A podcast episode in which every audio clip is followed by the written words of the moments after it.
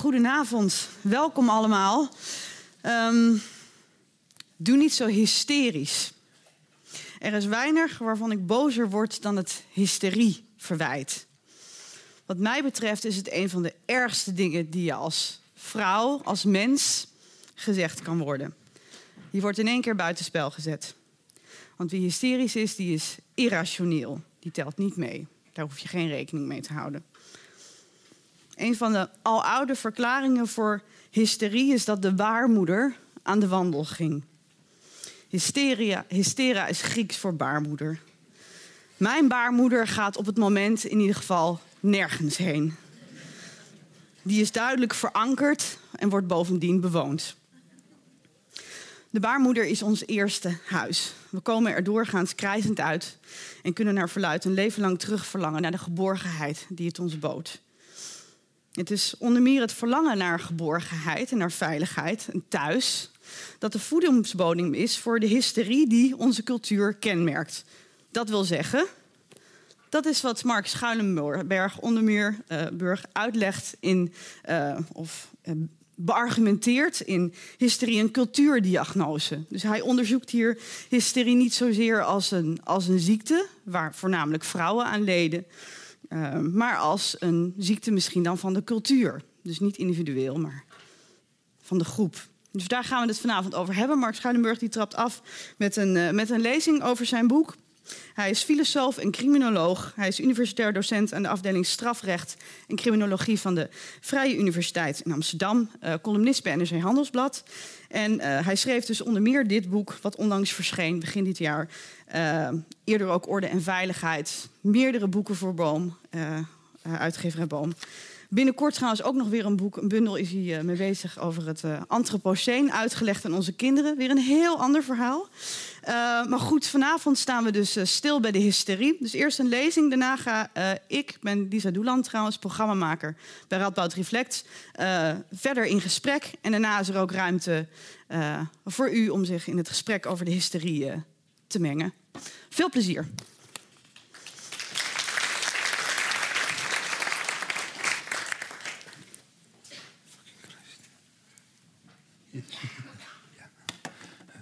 Uh, welkom allemaal. Uh, de lezing heeft vandaag als titel uh, Hoe beter het met ons gaat, hoe hysterischer we worden. dus ik hoop het op het eind duidelijk te maken waar deze titel vandaan komt. Zoals u ongetwijfeld weet, of misschien niet weet, maar de hysterie, de klemtoon ligt in het begin, hoewel hysterie wat hysterische klinkt, vind ik altijd. Maar de klemtoon ligt aan het begin van het woord, dus het is hysterie.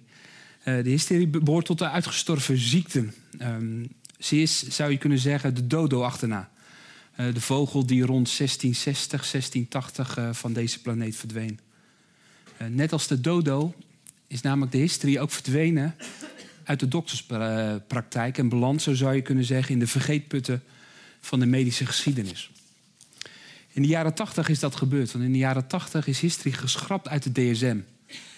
Uh, voor de mensen die het niet weten, DSM is de gids of de Bijbel, zou je bijna kunnen zeggen. Het handboek uh, wat doktoren en artsen wereldwijd gebruiken om psychische stoornissen vast te stellen op het moment als u naar een arts gaat.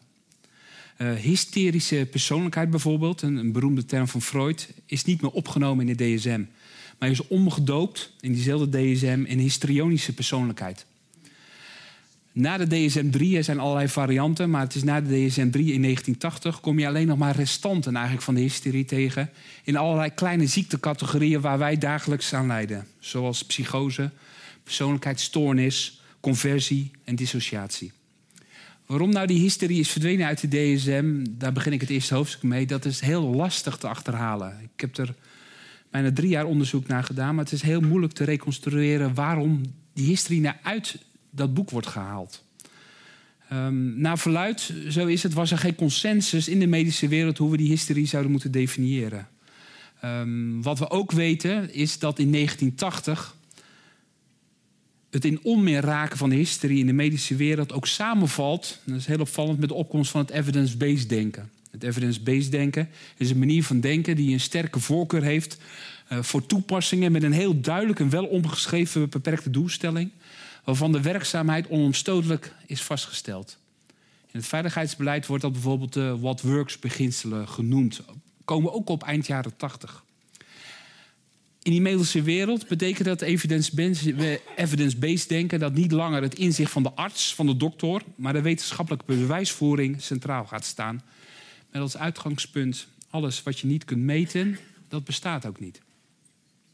Wat we ook weten, een tweede verklaring, is dat het verdwijnen van die historie uit de DSM ook te maken heeft met de hele anti-psychoanalytische geest van de van origine Amerikaanse DSM. Het is een Amerikaans boek.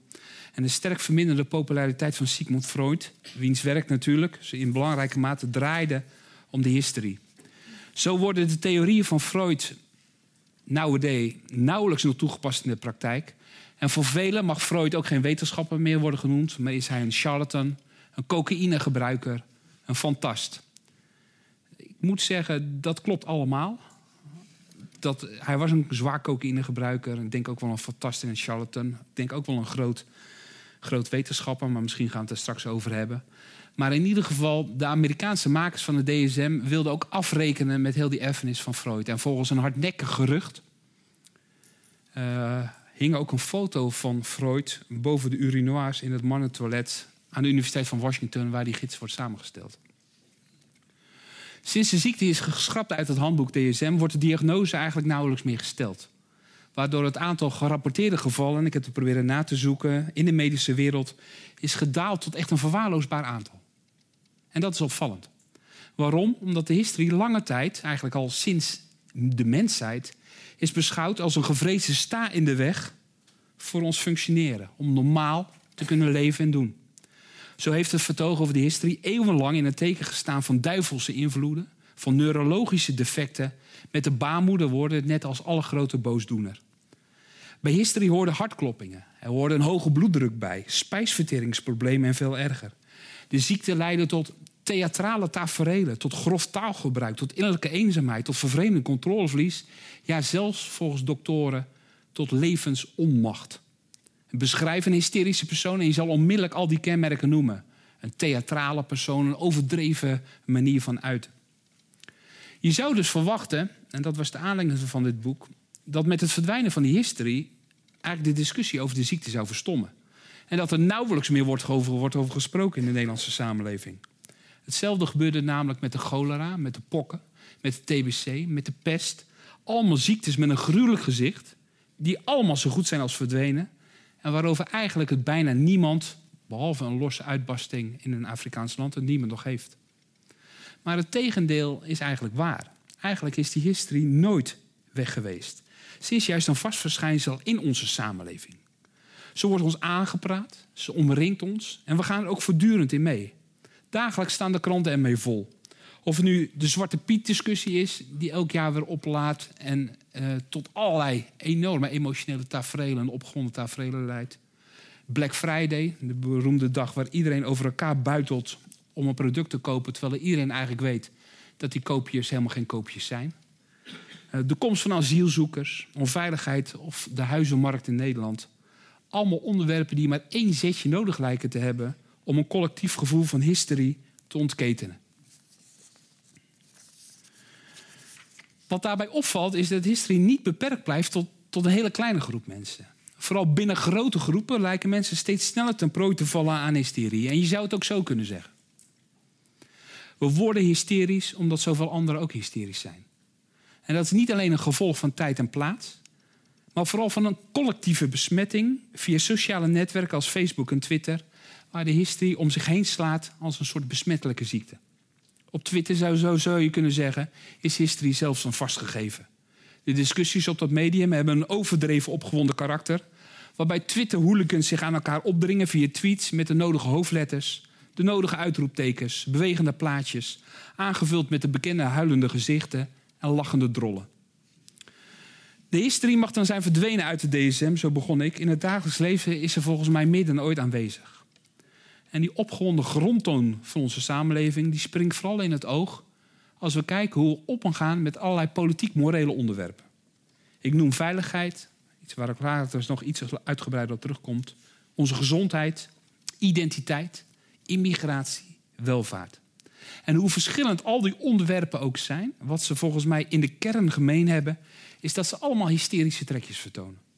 Niet dat ze in zichzelf hysterisch zijn, dat ga ik natuurlijk niet zeggen, maar in de zin dat ze op een heel merkwaardige manier geconstitueerd worden door de kenmerken van de hysterie. Ik realiseer me dat het gevaarlijk is om in algemeenheden te praten. Maar het veiligheidsbeleid wil ik toch als eerste voorbeeld hier noemen van de volstrekt overspannen manier waarop we tegenwoordig reageren op de mate van criminaliteit en overlast om ons heen. Er is namelijk volgens mij geen ander onderwerp te verzinnen waarbij de latente hysterie zo groot is. Zo horen we al jaren, en ik doe dat ook vrij regelmatig, onder meer in het journaal, ehm, dat Nederland objectief, en geloof mij, ik doseer ook criminologie, Nederland wordt objectief echt steeds veiliger. Thuis, op straat, echt onder alle bevolkingsgroepen, echt overal. Toch menen veel mensen, en ik denk ook in deze zaal, dat Nederland onveiliger is dan ooit. Zo maakt de gemiddelde Nederlander zich enorm druk over de resterende onveiligheid in onze samenleving en reageert met een ongekende felheid op de vrijblijvendheid die de criminaliteitsbestrijding in Nederland, uh, in Nederland zich kenmerkt. Berichten die bij dat hysterie potentieel aanknopen, trekken onmiddellijk aan de aandacht in de media en laten bij burgers alle alarmbellen afrinkelen. Sla maar eens een willekeurige klant open. Ik laat het vaak aan mijn studenten zien. De eerste drie, vier pagina's gaan alleen maar over criminaliteit. Dagelijks voeren daarin de berichten hierover de boventoon en creëren een sfeer van een soort permanente paniek. Laat minister Grapperhaus aan het woord over de veiligheid in ons land. En je hoort dan hoe onveilig het wel niet is. En over de noodzaak van steeds zwaardere straffen en strengere maatregelen om te voorkomen dat criminelen vrij speel zouden krijgen. Denk bijvoorbeeld aan de huidige discussie over TBS. Zo zou Nederland zuchten onder de criminaliteit en overvallen en inbraken zouden aan de orde van de dag zijn. Je ziet het ook trouwens in het taalgebruik terug. Op dit moment is natuurlijk een term als ondermijning heel erg populair. Een heel merkwaardige term, want in principe is natuurlijk elke vorm van criminaliteit ondermijnend. Maar, maar de term suggereert al, als we als Nederland ten prooi zouden vallen aan enorme bendes uh, die het slecht met ons zouden voor hebben en dat onze samenleving op het omvallen staat. Maar dat alles staat eigenlijk haaks op het feit dat de criminaliteit in Nederland echt al vanaf 2001 spectaculair daalt. Vanaf dat jaar is niet alleen de geregistreerde criminaliteit, want dan zou je nog kunnen zeggen: ja, maar ik doe geen aangifte maar ook een zelfgerapporteerd uh, slachtofferschap, gedaald met bijna 40 procent. U ziet het op de grafiek achter mij. Het aantal geregistreerde misdrijven op dit moment in Nederland is het laagste punt in bijna 40 jaar. En dat gaat om alle misdrijven. Dus ik heb het niet over fietsendiefstal. Ik heb het over straatroof, vernieling, moord, doodslag enzovoort. Dit alles roept natuurlijk de vraag waarom of laat ik het beter zeggen, roept natuurlijk de vraag op wat dan aan die veiligheidshysterie aan ten grondslag ligt. En ik kom daar later op terug, maar ik wil eerst iets vertellen over die geschiedenis van die hysterie. Ondanks de bijzonder rijke en uitgebreid gedocumenteerde geschiedenis van die ziekte zijn wetenschappers er namelijk nooit in geslaagd, en dat is heel opvallend, eigenlijk een duidelijk antwoord te geven op het mysterie van de hysterie. Opvattingen over de definitie, haar oorzaak, haar symptomen, de diagnose, de behandeling lopen al eeuwen en eeuwen uit elkaar. Duidelijk is dat het perspectief aan de ene kant dus van de psychoanalyticus, bijvoorbeeld Freud, waar ik straks nog iets over zou zeggen, verschilt van dat van de filosoof. Waarbij de filosoof weer verschilt van die in de medische wereld. Ieder blijkt een eigen verhaal te presenteren en een eigen perspectief. Terwijl de ene nadruk legt op biologische factoren, vaak in de medische wereld, zou een psychoanalyticus meer aandacht vragen voor de onbewuste processen die de ziekte in de hand werken. Maar alles overziend, en ik probeer dat in dit boek te doen, kunnen volgens mij drie grote perspectieven onderscheiden die een tipje van de sluier gaan oplichten over de rijke geschiedenis van die ziekte. Want zoals gezegd, die ziekte gaat eigenlijk al terug tot de Egyptenaren. En dat is eigenlijk gelijk het eerste perspectief wat ik hier wil schetsen. Het is een somatisch perspectief. Dus het eerste manier van kijken naar historie. Je hebt ook een bovennatuurlijk en een psychologisch. Maar de eerste manier van kijken is altijd een somatisch perspectief geweest. En wat is dat? We moeten daarvoor terug dus naar de oude Egyptenaren. Want vanaf de oude Egyptenaren tot eigenlijk begin 19e eeuw, dat is vrij lang, is de ziekte altijd gezien als een soort convulsieve stoornis. Met de baarmoeder inderdaad als grote boosdoener. Het woord hysterie komt ook van het Griekse hysterikos, dat de baarmoeder betreffend betekent. En afgeleid is van hystera, baarmoeder. Het idee daarachter is dat hysterie ontstaat wanneer de baarmoeder bij de vrouw, het zijn altijd vrouwen, ehm, door het lichaam gaat zwerven. En terwijl ze dan door dat lichaam gaat bewegen, brengt die baarmoeder op verschillende plekken allerlei symptomen teweeg. Dus klachten ontstaan dan, in deze visie in ieder geval, wanneer organen in het lichaam van de vrouw in de verdrukking komen, door die verplaatsing van die baarmoeder door het lichaam. Dat idee dat gaat dus al terug tot de Egyptenaren. In een van de oudste medische geschriften die wij in de, in de westerse geschiedenis kennen, de papyrus uit Kahun, en ik spreek dan over 1900 voor Christus, wordt de ziekte al genoemd. En alle symptomen worden bij toegeschreven aan een zwevende baarmoeder. En ook bij Plato, de Griekse filosoof, tref je dezelfde gedachtegang aan. In Timotheus uit 360 voor Christus, ik heb nou een tijdsprong gemaakt van 1500 jaar, vergelijkt hij ook de baarmoeder met een soort dier dat het verlangt om kinderen te baren. Een levend wezen met een eigen wil en eigen verlangens. Om daarna te schrijven, en ik citeer Plato, wanneer de baarmoeder te lang na de puberteit onvruchtbaar blijft, is ze overstuur en verstoord en gaat ze zwerven door het lichaam van de vrouw, waardoor de adem wordt afgesneden. Hierbij induceert ze angst en allerlei andere symptomen. Hoe groter de honger van de baarmoeder, die dus voortdurend op zoek is dus naar sperma, eh, des te meer ze ronddolt in het lichaam van de vrouw. Op maandag zou volgens de oude Egyptenaren en zelfs ook nog volgens de Griekse wijsgeren, op maandag zou de baarmoeder bij de vrouw in de keel zitten, waardoor de adem wordt afgesneden. Op dinsdag klampte ze zich vast aan het hart, wat leidde tot misselijkheid en overgeven. Op woensdag, let op vrouwen, aan de lever, waardoor je je stem zou verliezen. Gaat tanden kwassen, tanden knarsen en de gelaatskleur heel grauw wordt. En op donderdag gaat ze in het hoofd zitten met als gevolg hoofdpijn en pijn in de ogen. Die hele variatie aan verklaringen van die baarmoeder is eigenlijk te groot om vanavond echt goed recht aan te doen. Toch zijn er twee verklaringen die ik eruit wil halen. Dat is een natuurlijke verklaring en een bovennatuurlijke verklaring. Die natuurlijke verklaring, ik vertelde dat al net, zoekt die oorzaak waarom die baarmoeder dus al die kanten maar op gaat in het lichaam. In een tekort, u hoorde het al, aan sperma. Dus een tekort aan seksuele bevrediging. Het seksuele verlangen van die baarmoeder zorgt er namelijk voor dat ze hongerig op zoek gaat, als een dier. Een zwart dier wordt ze ook genoemd, naar voedsel, in de vorm van sperma. En als bewijs hiervan wordt erop gewezen, en dat wordt dus tot aan de 19e eeuw gedaan, dat met name weduwe en ongehuwde vrouwen zonder seksuele omgang minder gemiddeld worden getroffen door deze ziekte. In kloosters bijvoorbeeld, waar nonnen zich louter bezighouden met gebed, mediatie en vasten, breken volgens allerlei tellingen hysterische epidemieën uit. Om een eind te maken aan die hele wandelgang van die baarmoeder, worden er allerlei diagnoses natuurlijk gesteld, maar ook allerlei oplossingen ook aangedragen om die baarmoeder weer op haar natuurlijke plek terug te krijgen. En daar zijn tal van mogelijkheden voor en ik wil een aantal met u de revue laten passeren. Zo raadde Hippocrates, de beroemde wijsgeer, eh, vrouwen aan om bij een aanval van hysterie de baarmoeder te bevochtigen, omdat ze anders uitdroogden. En seks zou natuurlijk daarvoor de beste remedie zijn. Jonge meisjes wordt geadviseerd te trouwen of te bevallen. En de Nederlandse arts en filosoof Bernard Mandeville schrijft hysterische meisjes in zijn verhandelingen over hysterische ziekte uit 1711 voor om dagelijks te gaan paardrijden, gevolgd door een drie uur durende massage. In de Manuel de Medicine Pratique, een, een beroemde medische gids uit 1800, eh, worden we heel veel andere praktische tips aangedragen om maar een einde te maken aan die dwaaltocht van die baarmoeder. Zo zou het helpen om vrouwen de geuren op te laten snuiven van stinkend geschroeid leer.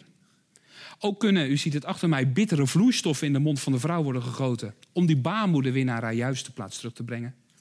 Ook wordt geadviseerd, u ziet het ook uh, achter me, dat is rechtsonder, en uh, ook uh, boven, ook wordt geadviseerd om onverwacht en met een krachtige ruk schaamharen van de vrouw uit te trekken.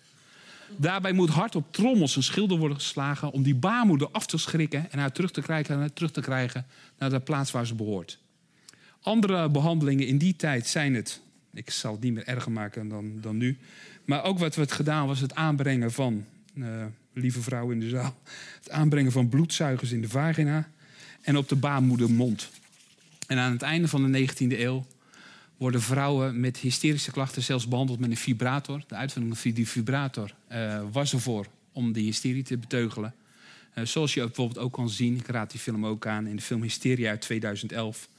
waarin twee doktoren hysterische vrouwen behandelen in het Victoriaanse tijdperk, het Victoriaanse Engeland. Dus dat is een, een natuurlijke, een somatische verklaring. Maar in die loop der de, de middeleeuwen komen natuurlijk andere verklaringen op en die gaan door elkaar lopen. En in die loop der middeleeuwen wordt hysterie natuurlijk steeds meer, u voelt het natuurlijk aan met, met de komst van het christendom, steeds meer gezien als een bovennatuurlijk probleem. Gedacht wordt dat vrouwen die lijden aan een ernstige vorm van hysterie, zou zijn bezeten door duivels en door demonen. Hysterici zijn dan niet langer ziek, want dat wordt natuurlijk iets anders. Maar het slachtoffer, of nog erger natuurlijk, de handlanger van de duivel. Lichamen van de vrouw zijn dan in bezit genomen door een of andere kwaadaardige demon als straf van begane zonde. En de theorie, theorie is natuurlijk dat vrouwen ook makkelijker bezeten raken dan mannen. Waarom? Omdat de vagina als het ware, zeggen medici, een open deur is voor de duivel. Goed beschouwd lopen natuurlijk hier die natuurlijke en bovennatuurlijke, ik zit natuurlijk in bovennatuurlijke verklaringen nu, nog steeds door elkaar. Zo meende kerkvader Augustinus dat hysterie alles te maken heeft met de behoefte van seks van de vrouw, maar dat de oorzaak van haar onverzadigbare geslachtsdrift niet meer de baarmoeder is, maar nu het werk van de duivel. Hysterici zouden een werktuig zijn van de duivel in zijn strijd tegen het christendom. Zo is ook te lezen in de Malus Maleficarium uit 1487. In de volksmond dat boek beter bekend als de heksenhamer. Dat boek, en u ziet het hier rechts, is uh, nogmaals de titel is Malus Maleficarium, is het ultieme handboek van de Inquisitie. Het groeit ook uit tot een ware bestseller. Tussen 1487, dan komt ze voor het eerst uit, en 1520, en dat is vrij veel, wordt het 13 keer herdrukt. Het hoofdthema van het boek is hekserij. Uh, maar de hysterie eigenlijk is nooit ver weg. De auteurs, twee Dominicaanse monniken, schrijven, en ik citeer nu letterlijk uit het boek, dat veel, zo niet alle heksen en een groot deel van hun slachtoffers hysterici zijn. En als gevolg daarvan worden hysterici op verdenking van hekserij ter dood veroordeeld. Vanwege hun samenwerking met de duivel en zijn demonen. En vooral vrouwen opnieuw zijn hiervan het slachtoffer. Om u een idee te geven. Tussen de 15e en 18e eeuw worden in Europa ruim 100.000 mensen onderworpen aan heksenprocessen. En ongeveer de helft daarvan eindigt in een doodsvonnis. De heeft gevonden plaats in de 17e eeuw in Frankrijk en Zwitserland.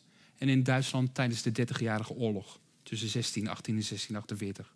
Maar ook in de rest van Europa worden overal de brandstapels aangestoken. En men schat dat in heel Europa ongeveer tussen de 30 en 60.000 mensen uiteindelijk te dood worden gebracht. omdat ze een pact zouden hebben gesloten met de duivel. van wie ongeveer 80 tot 90 procent vrouw was. Dan de derde verklaring. Dus ik heb een somatische verklaring gehad, ik heb een bovennatuurlijke verklaring gehad. En er komt natuurlijk niet omheen, we gaan terug naar Freud, een psychologische verklaring is het derde perspectief. En we gaan daarvoor te raden bij Sigmund Freud. Freud moet namelijk niets hebben van het idee van de baarmoeder als een soort levend dier. Hij noemt dat in zijn werk een donker beest. En ook ideeën over hersenen en de erfelijkheid van de historie, wat langzaam maar zeker in de 18e en 19e eeuw, met name bij Engelse doktoren, maar ook in Frankrijk opkomt bij een aantal medici, waaronder de beroemde Charcot, kunnen hem niet bekoren. Freud zoekt de oorzaak van de hysterie in iets anders, namelijk in onaangename herinneringen en verwerpelijke gedachten, geworteld vaak in traumatische, natuurlijk bij hem ook vaak seksuele ervaringen, die zich vervolgens uiten in lichamelijke klachten, zoals, zo schrijft Freud, verlammingen, verstijvingen, verminderde eetlust, bizarre looppatronen, stemmingswisselingen, kokhalsen, braken, hoesten, hoofdpijn, depressie, slaaploosheid en spraakstoornissen. Daarbij is niet altijd even duidelijk hoeveel Freud naar die historie wil benaderen. Als je dat werk van hem leest, uitermate fascinerend vind ik nog steeds ook om het te herlezen. Maar er vinden voortdurend in zijn werk accentverschuivingen plaats waar hij nou die oorzaak van die historie gaat zetten. En hij doet dat voortdurend in diagnoses van zijn patiënten. Hè, zoals uh, patiënten Dora, andere patiënten, vaak aristocratische vrouwen. Die natuurlijk ook het geld moesten hebben. Want de uh, behandeling bij Freud was ook vrij kostbaar. Uh, lieten behandelen voor een hysterische aanvallen. En aanvankelijk meent Freud dat vaak passieve seksuele ervaringen in de vroege jeugd zouden leiden tot hysterie. Maar ook meent hij dat de aangenomen vorm van de hysterie te maken heeft met de levensfase waarin het trauma plaatsvindt van de vrouw Of volgens weer een iets later inzicht met de levensfase waarin afweermaatregelen tegen het herbeleven van de traumatische gebeurtenis in stelling zou worden gebracht. In drie verhandelingen over de theorie van de seksualiteit, een, een boek van hem uit 1905, stelt hij de relatie centraal tussen enerzijds een enorme seksuele behoefte van de vrouw en anderzijds een te ver doorgedreven afwijzing, zoals hij schrijft, van het seksuele.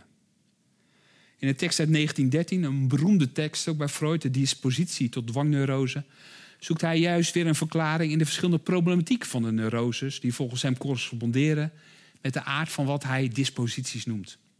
En op die manier wil Freud een antwoord vinden op de vraag waarom iemand aan een bepaalde neurose lijdt en niet aan een andere. Waarom wordt bijvoorbeeld iemand hysterisch, maar niet paranoïde?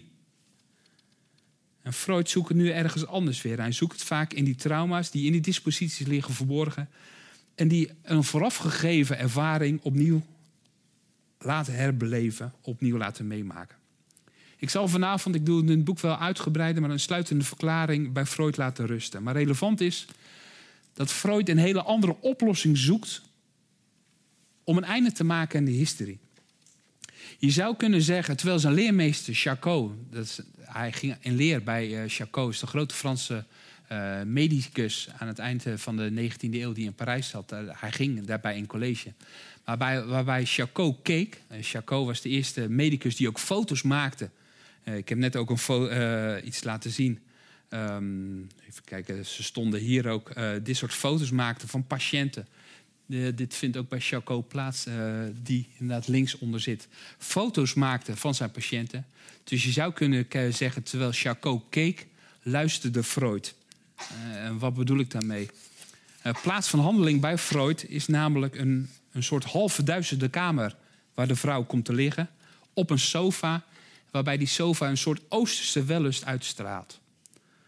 Um, het is een met paardenhaar gevuld meubelstuk. U ziet hem hier achter mij.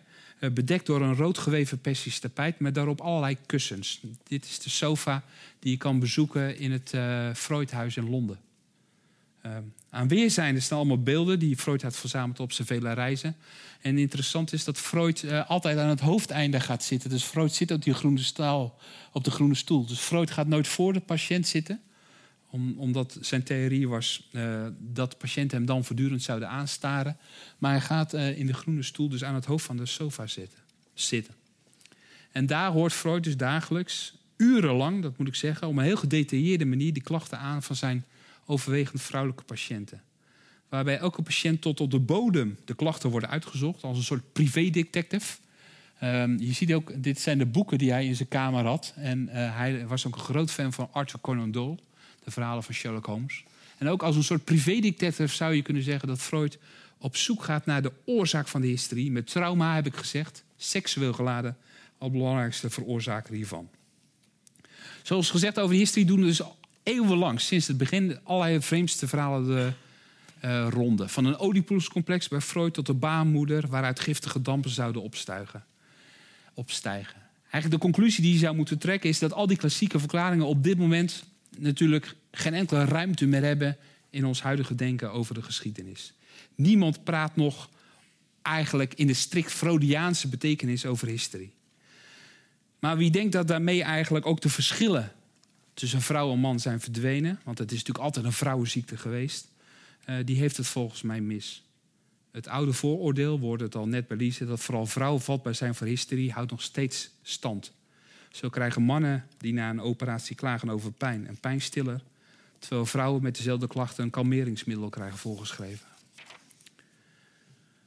Dat alles gezegd hebbende, het lijkt erop, en ik ga nu naar de huidige tijd, dat historie ook tegenwoordig mensen steeds sneller bij de keel grijpt. Zo lijkt het alsof steeds vaker ook een golf van massahysterie ons land overspoelt. Een tweede voorbeeld. Zo maken tegenwoordig mensen zich enorm druk over hun gezondheid met gluten als grote boosdoener. Gluten zou puur vergif zijn, dikmakend en hartstikke verslavend. Een op de drie Amerikanen probeert op dit moment gluten te vermijden. Maar medisch gezien is er geen enkele rechtvaardiging voor die angst. Alleen wanneer je de darmziekte coeliakie hebt, moet je geen gluten eten. Maar daar leidt slechts, ik herhaal het, ik zal het twee keer zeggen, 0,3% van de hele wereldbevolking aan. Maar als gevolg van die hele gezondheidshistorie moet al ons voedsel tegenwoordig glutenvrij zijn. De schappen in de supermarkt, kijk maar, liggen er vol mee. glutenvrije pasta, pizza, pannenkoekenmix. Zelfs lollies hebben tegenwoordig het label glutenvrij, hoewel daar natuurlijk nooit gluten in hebben gezeten. Dat alles past in een nieuwe trend van vrij van producten. En de verklaring daarvoor wordt gezocht in de maat van obsessie die we hebben door alles wat ons kan beschadigen. Voedsel krijgt daarbij steeds vaker de schuld van onze klachten, als migraine, vermoeidheid, gewichtspijn en andere moeilijk verklaarbare pijntjes. En grof samengevat zou je kunnen zeggen: hoe gezonder we objectief gezien zijn, des te zieker we ons voelen. Kijken we naar de huidige hysterie, die ik vanaf nu gemakshalve maar zal definiëren als een toestand van permanente opwinding, dan vallen een aantal zaken op. Allereerst hebben mensen die zich maar voortdurend bij een hysterisch blijven opwinden, vaak het gevoel de greep op hun leven vaak kwijt te zijn. En je ziet dat vaak in de discussies rondom de komst van asielzoekers naar Nederland. Hoeveel veel mensen eigenlijk nooit in contact komen met vluchtelingen, voelt een dergelijk groot en abstract fenomeen voor hen toch als een soort vrije als een vreemde indringer in een veilig thuis. Het zorgt ervoor dat mensen het gevoel krijgen niet langer de baas zijn over hun eigen lot. Alsof ze de sleutel van hun huis hebben verloren. En het gevolg hiervan is, en ik zal hier straks nog iets op terugkomen, is dat ze het gevoel hebben in een soort buiten te komen staan. Waarin geborgenheid, het oergevoel natuurlijk dat al in de baarmoeder begint, is verdwenen. Je zou ook kunnen zeggen, gelet op de hele vluchtelingendiscussie, dat geborgenheid en globalisering zich maar lastig laten combineren. Een tweede kenmerk is dat hysterie zich vaak naar buiten toe gedragen als slachtoffer. Ze voelen zich niet verantwoordelijk voor hun eigen gedrag en de manier waarop ze hun emoties uiten. En dikwijls blijven ze steken in een slachtofferrol, zelfs als ze anderen agressief bejegenen. Daarbij, en dat is het derde kenmerk, speelt sterk de behoefte om gezien en gehoord te worden. Hysterische mensen zoeken aandacht in de hoop serieus te worden genomen. En een vast ingrediënt is daarom de zeer heftige manier waarop gevoelens en verlangens worden geuit met als doel een stem te krijgen. Hysterici presenteren zich in de regel via een radicale taal, doorspekt met de hodige, nodige hoofdletters. Kijk maar op Twitter, waarbij de uitroeptekens en drollen, ik zei het al, je om de oren vliegen. Veel ophef en giftige taal van vlotgebekte vertegenwoordigers van verontwaardiging in het kwadraat. Laat ze oprotten, die teringleiers. We gaan met z'n allen naar het gemeentehuis, twittert een boze burger over de komst van een asielzoekerscentrum. Een tweet die ruim 300 keer wordt geliked. Je kunt zoveel verklaring voor de hysterie dus geven als je wilt. Maar het begint erop te lijken dat de ziekte eigenlijk te maken heeft, volgens mij, dat wil ik in het boek laten zien, met twee zaken. Aan de ene kant de wijze waarop het natuurlijk van binnen komt. Hysterie komt natuurlijk van binnenuit. Maar tegelijkertijd ook van buitenaf eigenlijk getriggerd wordt.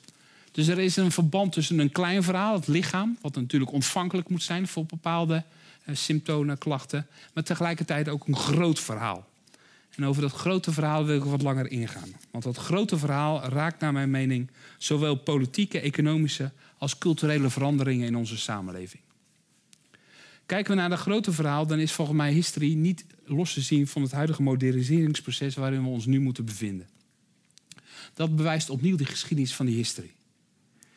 In 1892 schrijft namelijk de Oostenrijkse arts en cultuurpessimist Max Nordau in een geruchtmakend boek, Entartung, het groeiend aantal gevallen van history toe aan het feit dat mensen de snelle ontwikkelingen van de moderne maatschappij niet kunnen bijhouden. Hij vergelijkt zijn analyse met een helle tocht, zo schrijft hij het ook, door een helle tocht door het ziekenhuis van de 19e eeuw. En trekt de conclusie dat, en ik citeer nu, dat er een zwarte pest van een artung en een hysterie in de westerse samenleving rondwaart. Hysterie is het gevoel van oververmoeidheid, stelt Noordouw vast in het boek. En die oververmoeidheid komt, zegt hij, door een overdaad aan prikkels en een enorme stroomversnelling waarin het openbare leven aan het einde van de 19e eeuw is terechtgekomen. Kenmerkend daarvoor was een snelle opeenvolging van allerlei technologische veranderingen, die de wereld aan de ene kant groter maakten, maar tegelijkertijd, en dan komt het weer, een verlies aan geborgenheid ook teweegbrachten. Denk maar aan de stoomtrein, de telegraaf, de telefoon, de spectaculaire groei van steden. Wat ooit klein en herkenbaar was, wordt eind 19e eeuw groot en wordt onoverzichtelijk. Volgens mij is in de 21e eeuw iets soortgelijks aan de hand. Door de uitvinding van de trein en de telefoon vond in de 19e eeuw een ontgrenzing plaats. Die je kunt vergelijken met de globalisering in onze tijd via het neoliberale denken en de sociale media. En ook nu zie je, en dat is een kenner van het boek, dat het gevoel van geborgenheid in Nederland snel aan het verdwijnen is. Immers, sinds de jaren 70 is de sociaaldemocratie ingeruild voor het neoliberalisme. wat heeft geleid tot ontgrenzing en anonimiteit, met een afnemende bescherming en toenemende eenzaamheid als gevolg. Tegelijk heeft de verzuiling plaatsgemaakt voor individualisme. En je ziet dat allerlei ontmoetingsplaatsen, en dat kan van alles zijn, van jongere plekken tot buurtwinkels, zijn verdwenen of hebben plaatsgemaakt voor het grootbedrijf. Vroeger waren dat plekken van samenkomst, van geborgenheid. En het zijn dan ook vaak gevoelens van een gevlies aan geborgenheid die terugkomen in die uitbarsting van historie in onze eeuw. Dat betekent niet dat de maatschappij van nu lijkt op die van Freud en Nordau. Daarvoor is veel te veel veranderd. Maar het valt niet te ontkennen dat bepaalde zaken van toen heel veel overeenkomsten hebben met die van nu. Leggen we de 21ste eeuw op de sofa, dan wordt de vraag relevant waarvan we nu hysterisch worden. Is er een rode draad? Mij lijkt dat historie op tal van manieren tegenwoordig valt te typeren. Maar als er iets is wat historie in de hand werkt, dan is het een cultuur die niet alleen historie aanmoedigt en daarvan geniet, maar ook die historie misbruikt en beloont. In de media één, in de economie twee, in de politiek drie. Op het eerste gebied lijken die gebieden natuurlijk heel verschillend. Politiek, media, economie. Maar kijk je goed, dan is hun afstand ook weer zo groot niet. Hysterie is er als het ware ingebakken. Zoals hysterie aan de ene kant natuurlijk de motor en het eindproduct van sociale media, waarop berichten vele malen sneller worden verspreid dan vroeger, of ze nu kloppen of niet. Haal hysterie uit Twitter en Twitter is morgen failliet. Maar ook Facebook heeft natuurlijk van hysterie zijn verdienmodel gemaakt. Alle algoritmen bij Facebook werken op die manier dat hoe hysterischer je post, met meer emotie erin, met meer uitroeptekens, hoe groter de kans ook is dat je die bovenaan je tijdslijn aantreft. Waarom? Omdat je daar eerder op klikt, waardoor de advertentieinkomsten voor Facebook groter worden. Je ziet het allemaal terug in de uitermate fraaie documentaire The Cleaners uit 2018. Voortdurend spreken de sociale media het hysteriepotentieel in de samenleving aan en maken er ook een verdienmodel van. Tegelijk zie je ook in de economie en politiek dat eigenlijk dezelfde diagnose eh, van toepassing is. Wat politici beloven is de volmaakte samenleving waarin bijvoorbeeld ziekte, misdaad, of bijvoorbeeld in het geval van Wilders met zijn nieuwe wetsvoorstel, de islam, islam volledig is uitgebannen. Zo eindigt elke politieke discussie over onveiligheid bijvoorbeeld onveranderlijk in de conclusie dat er meer daadkracht nodig is om die problemen voorgoed op te lossen. Is die diagnose eenmaal gesteld, dan komen al snel nieuwe regels en wetten. En zo gaat het telkens opnieuw. Wie opwerpt dat dergelijke problemen vaak te groot en te complex zijn, wordt een theedrinker genoemd of een wegkijker. Of krijgt een ander verwijt dat hij de problemen niet serieus wil aanpakken. En ook in de economie zie je dat eigenlijk voortdurend wordt ingespeeld op het tekort wat wij permanent dus voelen. Het tekort dat wij voelen op Twitter en Facebook. Hebben we wel voldoende likes? Hebben we wel voldoende volgers? In de politiek voortdurend het tekort, het laatste stukje onveiligheid, het laatste stukje ongezondheid wegwerken. Maar ook in de economie. In de economie is het natuurlijk zo dat je tegenwoordig geen koffie, telefoon of kledingstuk meer kan aanschaffen zonder een bepaalde belevingswaarde die daaraan is vastgekoppeld. Wie zo'n product koopt, koopt met andere woorden altijd heel veel meer. De belevingseconomie, zo wordt dat genoemd, stimuleert daarbij met verre van ons verlangen door via reclame en exposure een gevoel van permanent tekort te creëren wanneer je die niet nieuwste iPhone hebt aangeschaft. Het is eigenlijk nooit genoeg. Volgens mij is dat in vier woorden die ideologie van onze tijd. Waarin we ten diepste worden gedreven door dat gevoel dus van een permanent tekort. De, de, Franse psychoanalyticus Jacques Lacan spreekt in dit verband van een tekort aan zijn, een manga etere. Volgens, volgens hem is dit tekort wat we dus permanent voelen. Wat je eigenlijk voortdurend ook eigenlijk terug ziet in de geschiedenis van de historie, uh, eigenlijk kenmerkend voor de mens. Waarom? Omdat de invulling van dat tekort dus nooit lukt. Voortdurend voelen we een tekort en hebben een verlangen om dat tekort eigenlijk ongedaan te maken. Maar als we dat hebben, komt er weer een nieuw gevoel van een tekort. En dat gaat maar door, dat gaat maar door. Het is zelfproducerend, zegt Lacan. Dat komt omdat uiteindelijk geen enkel object, toestand of persoon, bijvoorbeeld de politicus, het tekort dat aan de basis dus ligt van ons verlangen volledig kan vervullen. Of zoals de filosoof Mick Jagger het ooit zei: I can get no satisfaction. Het verlangen blijft daardoor onverzadigbaar en verschuift voortdurend. En eigenlijk maakt het niet uit hoe we dat tekort willen opvullen. Het lukt uiteindelijk toch nooit. Het gaat erom de frustratie en ongeduld te verlichten die dat tekort teweeg brengt. Een simpel voorbeeld kan het duidelijk maken. Buiten zinnen rennen echt duizenden mensen naar de Apple Store wanneer er een nieuwe iPhone op de markt is. En iedereen weet dat het verschil tussen de oude en nieuwe versie echt minimaal is. En geen enkele rechtvaardiging biedt voor de hoogte van de prijs van die iPhone. Toch hebben we het gevoel dat we iets missen wanneer we nu onze oude smartphone hebben vervangen door het laatste model. Tegelijk stuurt, als we eenmaal dat model weer hebben, de oorzaak van ons verlangen ons alweer naar het volgende model van de iPhone. En zo gaat het steeds, volgens mij met alles, elke dag opnieuw. Het is, het is interessant om, om dat uitgangspunt eigenlijk van een breder perspectief te benaderen. Waarom ervaren wij nu een tekort, terwijl eigenlijk alles in overvloed aanwezig is? We hebben het eigenlijk nog nooit zo goed gehad. Alle lichten staan op groen in Nederland. We leven in een tijd van ongekende welvaart, met een hoog niveau van gezondheidszorg, in een samenleving, ik gaf het al aan, die nog nooit zo veilig is geweest. We scoren ook onverminderd hoog in onderzoek waarin onze geluksbeleving wordt onderzocht. Het vertrouwen neemt ook in elkaar toe, evenals in dat van instituten als de rechterlijke macht, politie en het leger.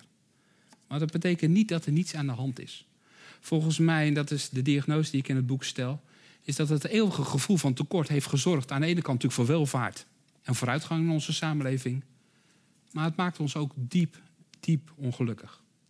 Hoewel we langer, gezonder en veiliger leven dan onze voorouders bij elkaar, ervaren we nog steeds dat we iets missen, dat er iets ontbreekt. En dat zorgt uiteindelijk voor frustratie, voor angst, boosheid en uiteindelijk zelfs tot hysterie. De hysterie mag de medisch dood zijn. Het onderliggende mechanisme van gevoelens van angst, frustratie uh, zoeken nog steeds een uitweg in het lichaam en slaan om in hysterische reacties wanneer ze te veel worden. Dit alles legt voor mij een typische paradox van deze tijd bloot, die ik de succesparadox noem. Hij stond er aanvankelijk boven, even er niet terug. Maar de succesparadox houdt het volgende in. Hoe welvarender en veiliger ons leven wordt, hoe hysterischer we zijn over het laatste restje tekort wat er nog is. Moeten we daarmee die hysterie afdoen als iets negatiefs? Als iets slechts? Als een beschuldiging om mensen af te serveren? Zo schrijft Arno Grunberg in de Volkskrant dat hysterische politici en burgers een bedreiging zijn voor het Westen. Tegelijk maken rubrieken in de krant en op het nieuws, zoals factcheck, er een gewoonte van om de hysterie natuurlijk dagelijks te ontmaskeren. Het idee daarachter is dat hysterie niemand verder helpt en de zaak alleen maar erger maakt. Aan een oplossing voor concurrente problemen draagt de ziekte niet bij. Ze plooit en poldert niet, zou je kunnen zeggen, ze polariseert. Volgens mij weten we daarom ook geen raad mee in Nederland, het land van de Polonaise en de slogan Doe maar normaal. Dat neemt niet weg, denk ik, en ik wil daarmee beëindigen, dat volgens mij history ook hoop geeft. En ik bedoel daarmee dat history kan aanzetten tot actie. Ik bedoel daarmee dat ze het vermogen heeft om het bestaan op de kop te gooien, op dezelfde manier als een revolutie een heersend systeem omver kan werpen. Opnieuw heeft de geschiedenis dat aangetoond. Een goed voorbeeld hiervan vond plaats in de 19e eeuw, toen vrouwen in opstand kwamen tegen de verstikkende gedragsvoorschriften in het Victoriaanse tijdperk. De historie leidde tot de institutionalisering van de ziekte in klinieken. Dat heeft Michel Foucault laten zien, de Franse filosoof, in zijn boek Geschiedenis van de Kliniek. Maar de historie inspireerde ook hervormingen met als doel de vrouw evenveel kansen en gelijke rechten te geven als de man. Het strak aangesnoerde concept verdween en er kwamen ruimte voor meer vrijzinnige opvattingen over huwelijk, seksualiteit en recht op arbeid in de plaats. Ik heb het hier dus niet over een destructieve historie, waarvan haar meest duistere gedaante ik heb laten zien, zoals de kleren van je lijf scheuren, je haar uitdrukken. Ik heb het over een historie die zaken in gang zet en in beweging brengt, een constructieve historie. Een constructieve historie is naar mijn mening een motor voor verandering, een manier om iets aan de wereld toe te voegen, waarbij ze een groter belang dient dan alleen een eigen belang. Om deze lezing te besluiten, ik denk dat sommige vraagstukken in Nederland wel eens wat meer historie zouden kunnen gaan gebruiken. Denk aan het laatste geval aan zaken als analfabetisme, armoede, rechtsbescherming, zorgwachtlijsten. Problemen waarvan politici ze beschouwen als zaken die wel overwaaien, als een soort grijze wolk aan de horizon. Zo is er, en dat valt me altijd op, amper aandacht in Nederland voor het feit dat er maar zo'n 250, dat er al zo'n 250.000 mensen in Nederland analfabeet zijn. En let op, 1,5 miljoen mensen in 2019 in Nederland moeite hebben met lezen en schrijven. Dat soort cijfers halen de krant niet. Een groot deel van diezelfde mensen kunnen ook niet rondkomen van hun inkomen en leven in armoede. Probeer maar eens een krant open te slaan en een bezorgde alarmkleed te vinden over het feit dat in Nederland bijna 1 miljoen burgers in armoede leven, waarvan een kwart bestaat uit niet-westerse immigranten en alleenstaande moeders met minderjarige kinderen. Je zult er bijna niks over lezen. Verklaring hiervoor schieten tekort, worden in het geheel niet gegeven. Maar juist dit zijn onderwerpen volgens mij die meer aandacht verdienen. En die schreeuwen om actie. Je zou ook kunnen zeggen dat ze een hysterisch gebaar nodig hebben. Alleen al door hun omvang en desastreuze effecten voor de samenleving. Zwijgen en stilzitten zijn daarom, beste mensen, geen opties meer. We leven per slot van rekening in een hysterische wereld. En jullie weten het nu. Dankjewel.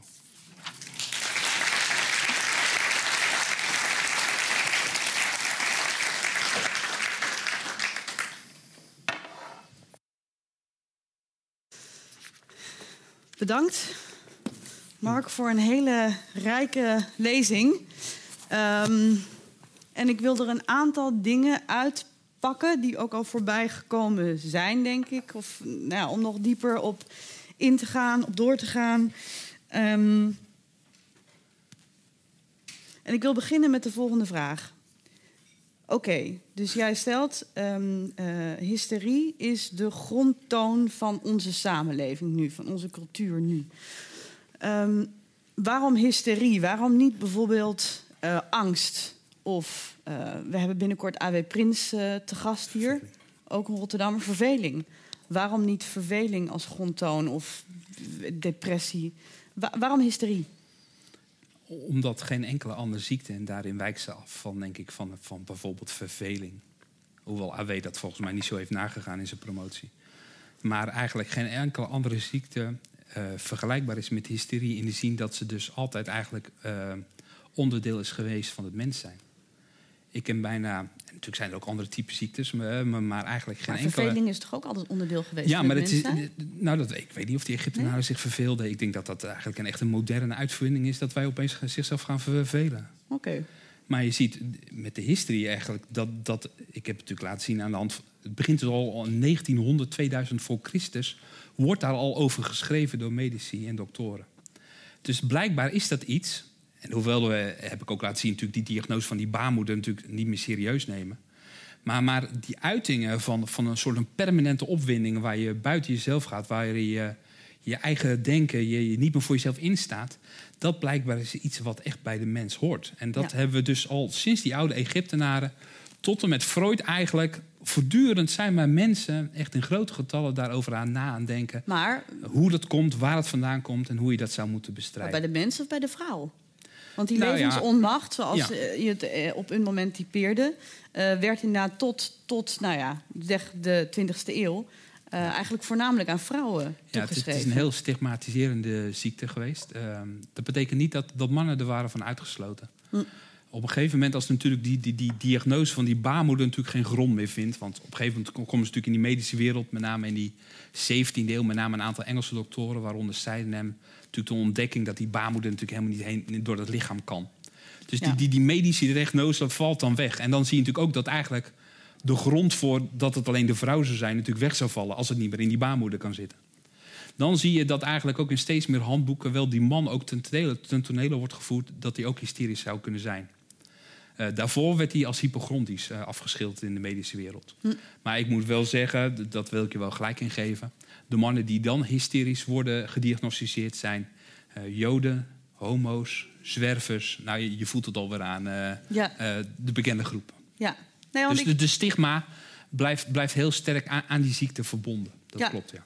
Nee, want waar ik zelf ook aan moest denken was... De, de- dus er is voor mij ook heel duidelijk een koppeling tussen eh, hysterie en irrationaliteit. ja. Ehm, eh, en eh, je hebt natuurlijk in, in de verlichting ontstaat inderdaad het idee van de, de, de, de mens als een absoluut rationeel wezen. Wat dan in eerste instantie weer voornamelijk aan de man wordt Ja. toegeschreven. Ja, Dus, ja. ehm, maar is er überhaupt een soort, soort koppeling tussen. Ja, hoe, hoe verhoudt die hysterie zich tot dat, dat, dat, dat hele. de mens als een rationeel wezen? Wat de vrouw dan dus niet kan zijn, of later uiteindelijk wel? Ja, dat is natuurlijk een van de beroemde verklaringen uit, uit die 18e eeuw. En Dat is een verklaring die ik nu niet heb genoemd. Eh, maar die wel in het boek zit en die natuurlijk met name bij, bij, bij denkers zoals Michel Foucault komt. En dat natuurlijk dat, dat, dat zeg maar de diagnose in de medische wereld een, een manier wordt om, om mensen te, te normaliseren. Ja. Dus in te voegen in de, in de norm. En natuurlijk de norm sinds de 17e, 18e eeuw, natuurlijk bij Descartes, hè, met zijn beroemde uitspraak: ik denk, dus ik besta. De norm wordt natuurlijk het rationele. En daarmee wordt al het emotionele, eh, de kick, de, de, de, de, de, de, de fun, eh, wordt eigenlijk steeds minder voorwerp van onderzoek, ook natuurlijk in de medische wereld. Dat is op dit moment ook trouwens ook nog steeds aan de hand natuurlijk in, in de huidige wetenschappen. Eh, ik doseer aan de afdeling strafrecht en criminologie. En ik, ik, vertel vaak mijn studenten wel eens, en dan geef ik een voorbeeld uit mijn eigen geschiedenis, dat, dat criminaliteit om dat te doen ook best leuk is. Maar ja, geen enkele docent gaat zeggen dat het doen van criminaliteit leuk is of fun. Maar ik kan nu eerlijk zeggen, ja, graffiti spuiten of een auto jatten en daarmee scheuren is gewoon echt leuk. Dat kan ik uit eigen ervaring vertellen. Maar, maar ik, ik, geef alleen maar aan, uh, dat soort dus elementen, fun of, of, leuk of emotie, zijn nog steeds eigenlijk um, categorieën die heel weinig, tot op dit moment, eigenlijk ook gediagnosticeerd of, of over na wordt gedacht, ook in andere wetenschappen. Terwijl ze eigenlijk wel altijd, en dat heeft de historie natuurlijk ook laten zien, verbonden zijn geweest met het mens zijn. Dus ik zou het niet eigenlijk willen schakeren dus als een ontkenning van de ratio. Ik zou het meer willen laten zijn dat het lichaam een bepaald punt kan bereiken.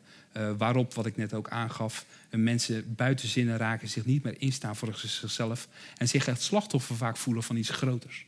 Maar is het dan misschien ook zo dat we. Oké, dus, in de, dus een tijdje lang hebben we gedacht: de mens is een heel rationeel wezen. We zijn langzaam gaan inzien, valt tegen.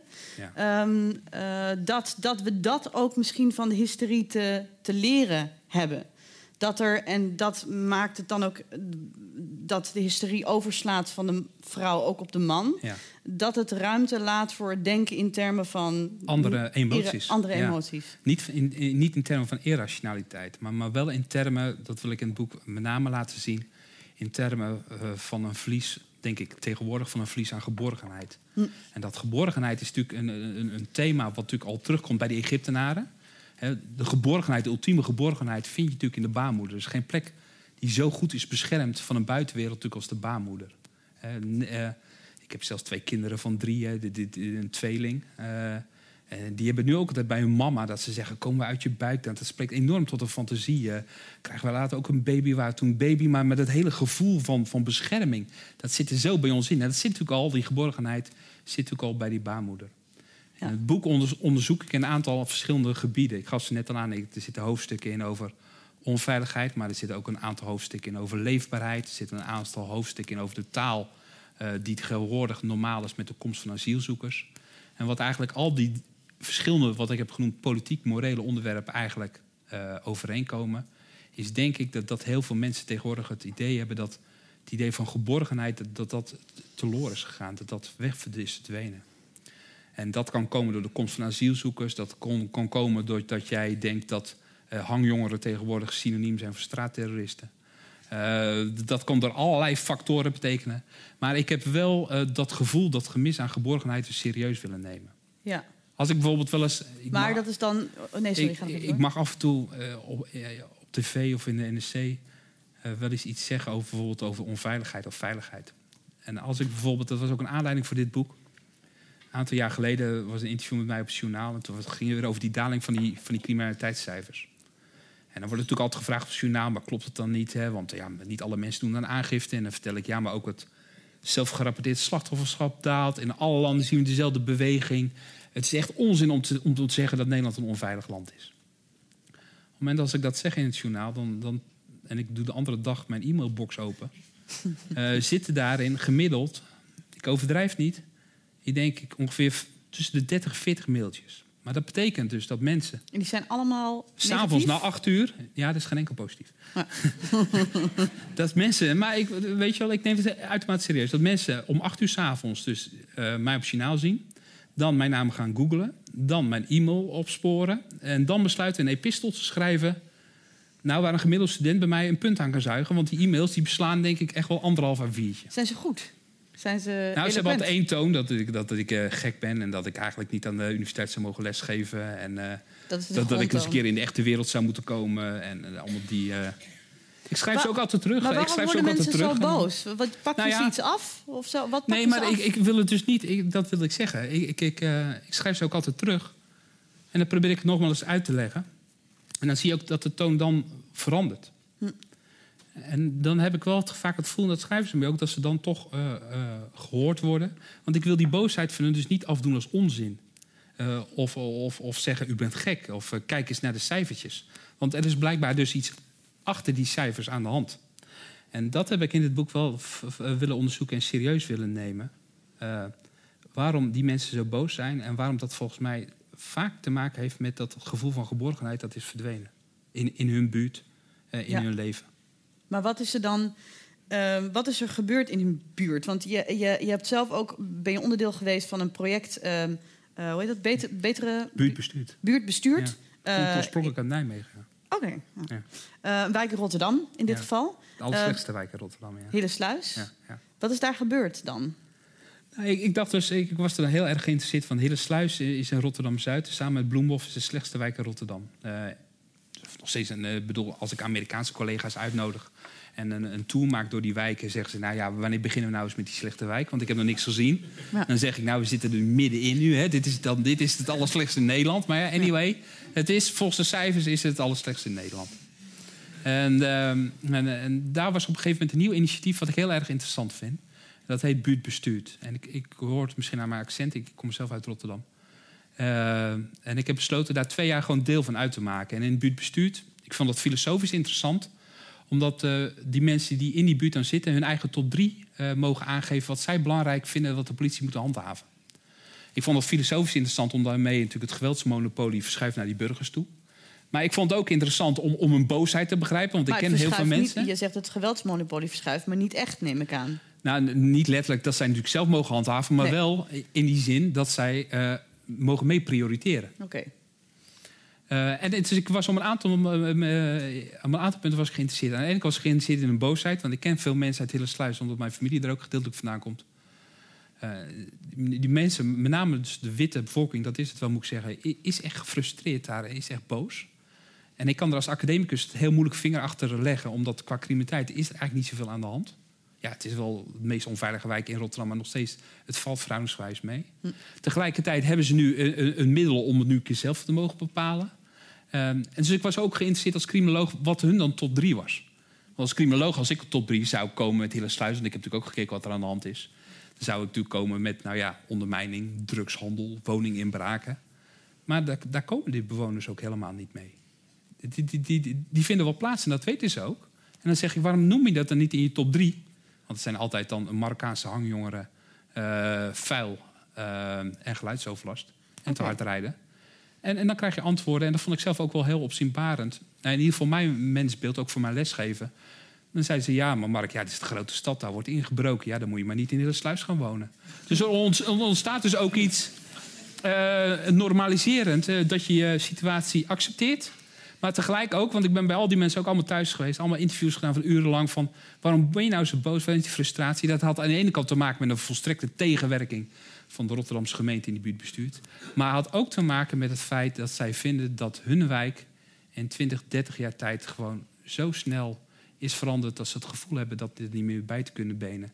Eh, en dat de overheid eigenlijk hun klachten niet hoort. eh, waardoor ze eigenlijk voortdurend maar frustrerender en frustrerender worden. En zich ook eigenlijk steeds bozer gaan, ook gaan uiten naar Abu Talib en andere wethouders toe in Rotterdam. En zich dus niet meer thuis voelen. Dat is eigenlijk de, de Ja. dat lijkt het belangrijkste. ja, probleem ze te voelen zijn. zich niet. Ze hebben, ze hebben echt het idee dat ze de sleutel van hun eigen wijk hebben verloren. En eh, Freud noemde dat natuurlijk al onheimisch. In het Engels heet dat uncanny. Ehm, en Freud vond het ook al belangrijk. Wat volgens hem ook te maken had, al, ook met die historie in die tijd al. Maar dat gevoel van onheimisch, heim betekent ook, hè, thuis. Dat gevoel van niet meer thuis zijn in je eigen land, is denk ik een belangrijk thema. En ik, verbaas me er altijd over dat dat thema eigenlijk wordt gekaapt door eh, rechtse politici. Eh, omdat ik met mijn boek wil laten zien, omdat het voor mij dat hele geborgenheid is gewoon een oerthema van de mens. Eh, en ik heb het altijd raar gevonden dat het thema eh, dus eigenlijk alleen maar door de Wildersen en Baudets of ergens ander worden geuit. Want ik denk ook dat eigenlijk best politiek links zich sterker zou kunnen maken voor het verstevigen van het gevoel van geborgenheid. Alleen natuurlijk niet via hoge muren, eh, prikkeldraad en andere grenzen. Ehm, maar ik denk wel dat de politiek daar een antwoord op zou moeten vinden. En ik vind dat geen thema wat uiteindelijk alleen maar bij rechts hoort. Hm. Ik vind het een thema wat echt bij de mens hoort. Eh, omdat de geschiedenis van deze ziekte eigenlijk al laat zien dat al bij die baarmoeder, en natuurlijk nogmaals, die diagnose stellen we niet meer, maar er komen wel een bepaalde thema's terug die nog steeds op dit moment van toepassing zijn. Met name dat heel veel mensen op dit moment, denk ik, het idee hebben eh, dat ze die geborgenheid aan het missen zijn. En dat kan sociaal zijn, dat kan economisch zijn, dat kan cultureel zijn. Maar, dat is denk ik wel een belangrijk thema Maar ik zit te denken inderdaad over wat voor geborgenheid hebben we het hier precies. Want als ik nu... eh, Oké, dus ik ga even denken... ehm, eh, ik breng hem even terug naar de baarmoeder. Eh, ik breng hem even helemaal terug naar mezelf. En wat nu met mij, in mijn baarmoeder gebeurt. dat is allemaal hartstikke veilig Ja. voor dat kind nu. Maar die staat enorm met van alles in contact via mij. Ja. Ehm, eh, via wat ik eet, drink, de uitlaatgassen, de microplastics. Dus ehm, ehm, er vindt een enorme uitwisseling plaats. Dus Ja. als ik dan weer kijk naar die, de wijk, naar Hillesluis... dan denk ik, oké, dus mensen voelen zich niet thuis. Maar eh, ja, en de geborgenheid, het is altijd... Het is, het is nooit geen afgeslotenheid, Nee, snap je? Dus nee. hoe...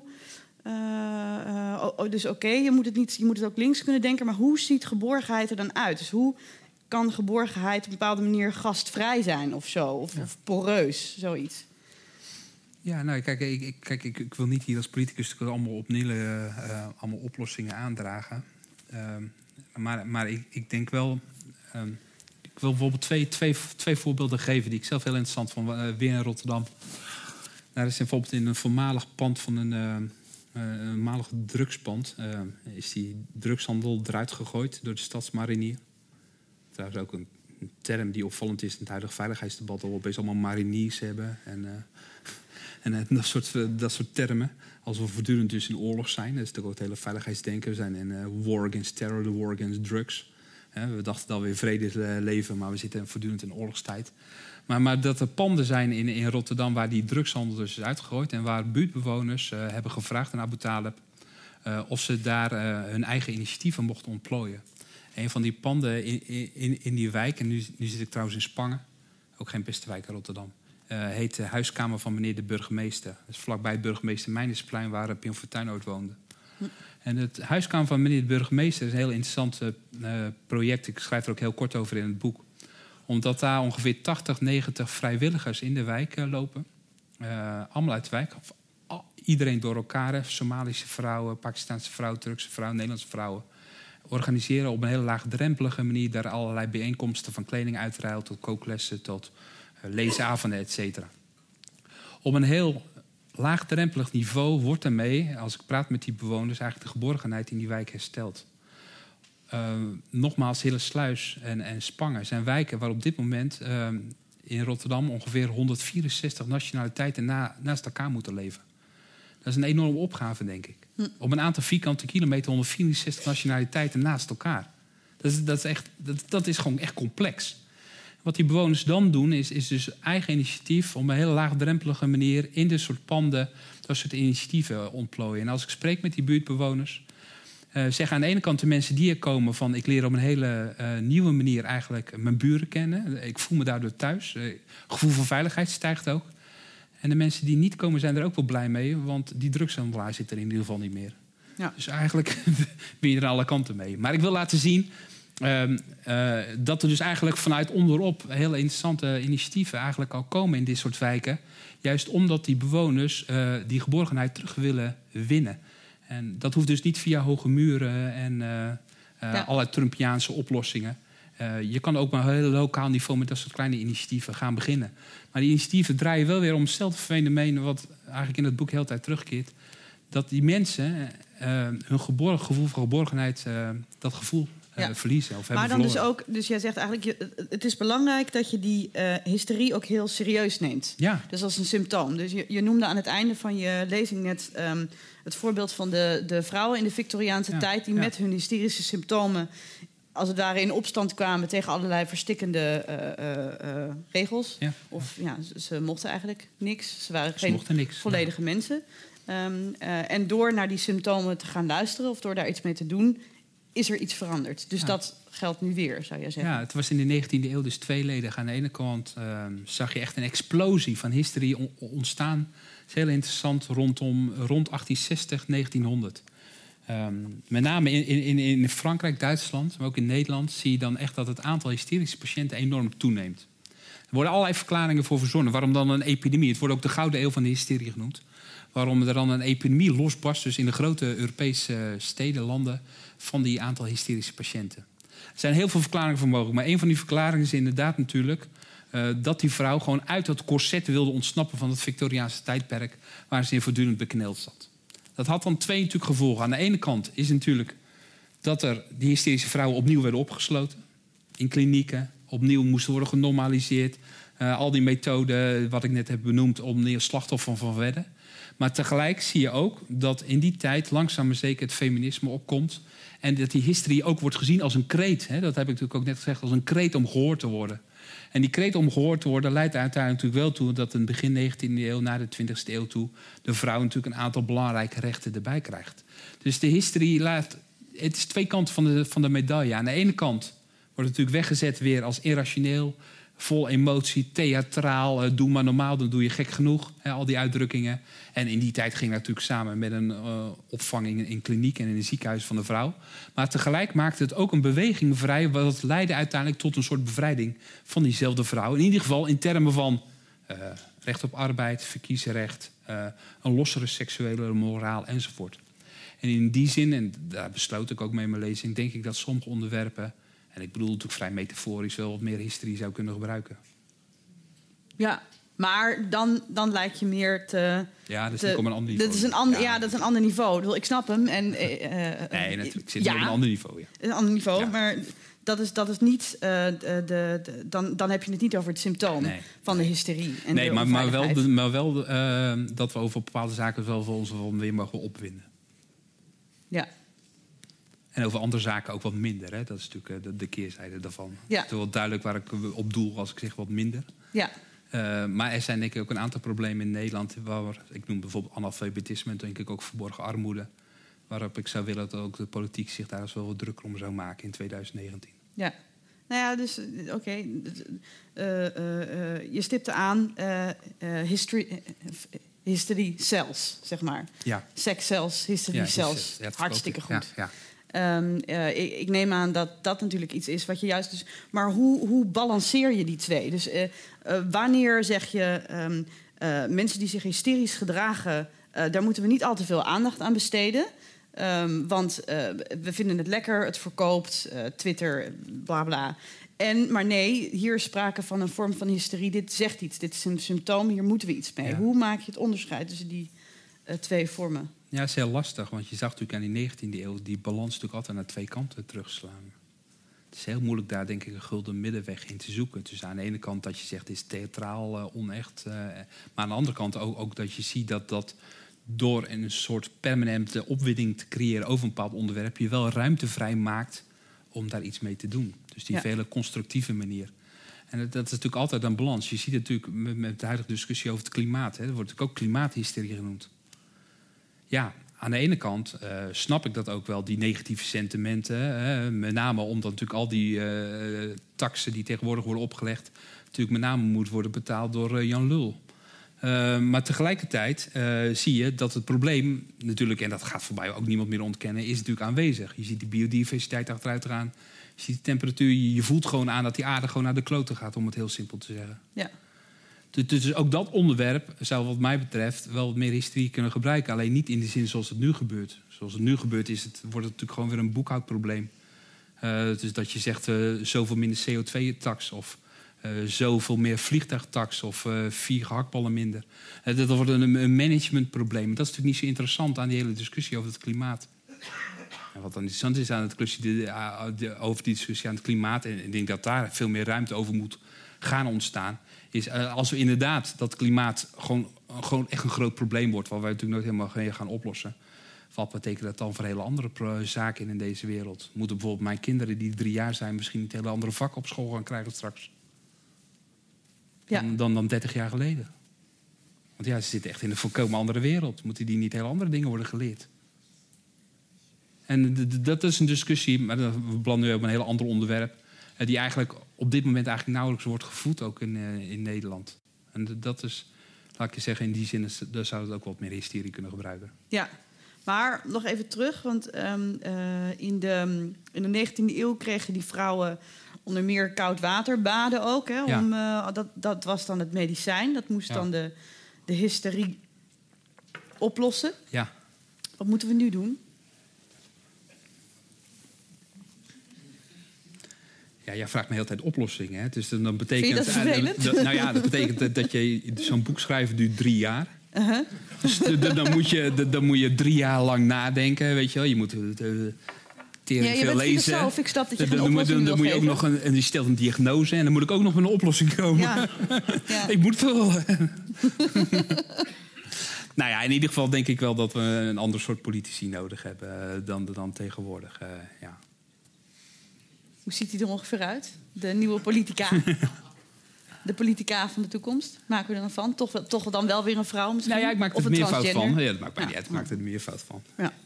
Nou ja, laat, laat ik bijvoorbeeld even teruggaan. Bijvoorbeeld, bijvoorbeeld eh, Job Cohen is altijd afgemaakt omdat hij zei dat hij wilde gaan thee drinken.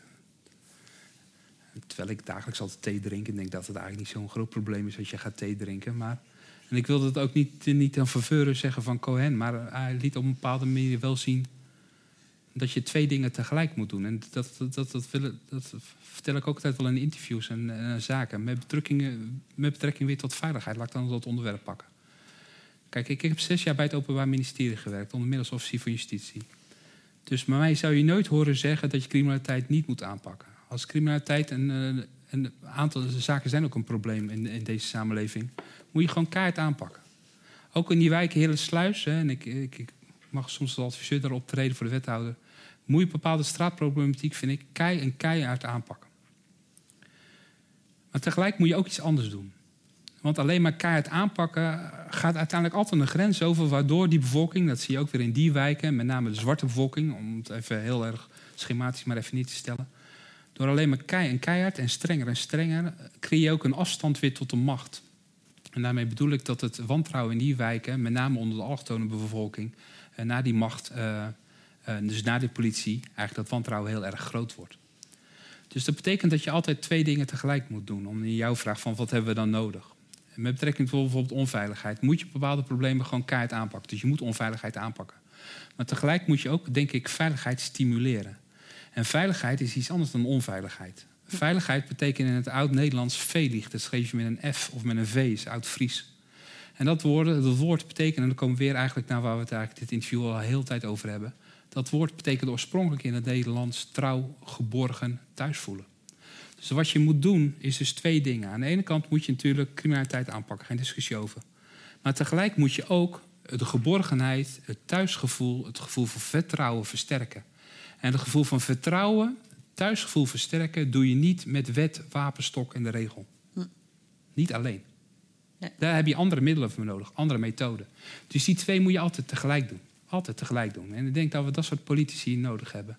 Die laten zien dat je aan de ene kant natuurlijk moet verbinden... en aan de andere kant ook, ook je moet ook keihard optreden. Geen discussie over. Maar het zijn altijd die twee. Want als je aan de ene alleen te veel doet... komt het ander tekort en gaat het ook fout. Alleen de wet, wapenstok en regel lost niets op. Waarom niet? Omdat daarmee dus dat gevoel van niet thuis zijn... eh, vertrouwen, wat in het woord veiligheid dus al zit in het Oud-Fries... dat dat te loor gaat. En op het moment dat dat te loor gaat... zie je dat mensen niet meer naar de politie gaan... eh, politie gaan wantrouwen, politici gaan wantrouwen... rechterlijke macht gaan wantrouwen enzovoort... waardoor je weer een nieuwe kloof creëert in deze samenleving. Ja. Ik ehm, wil je bedanken, Mark, voor een mooie lezing, een mooi gesprek. Ik wil u ook bedanken voor eh, mooie vragen. Ehm, je blijft nog even, denk ik. Je boek wordt verkocht, dus mocht u denken... ik wil het daarna nog allemaal nalezen, dat kan. Eh, en dan kan er ook nog in getekend worden. Dus ehm, dat was het. Bedankt. En bedankt Mark Schuilenburg.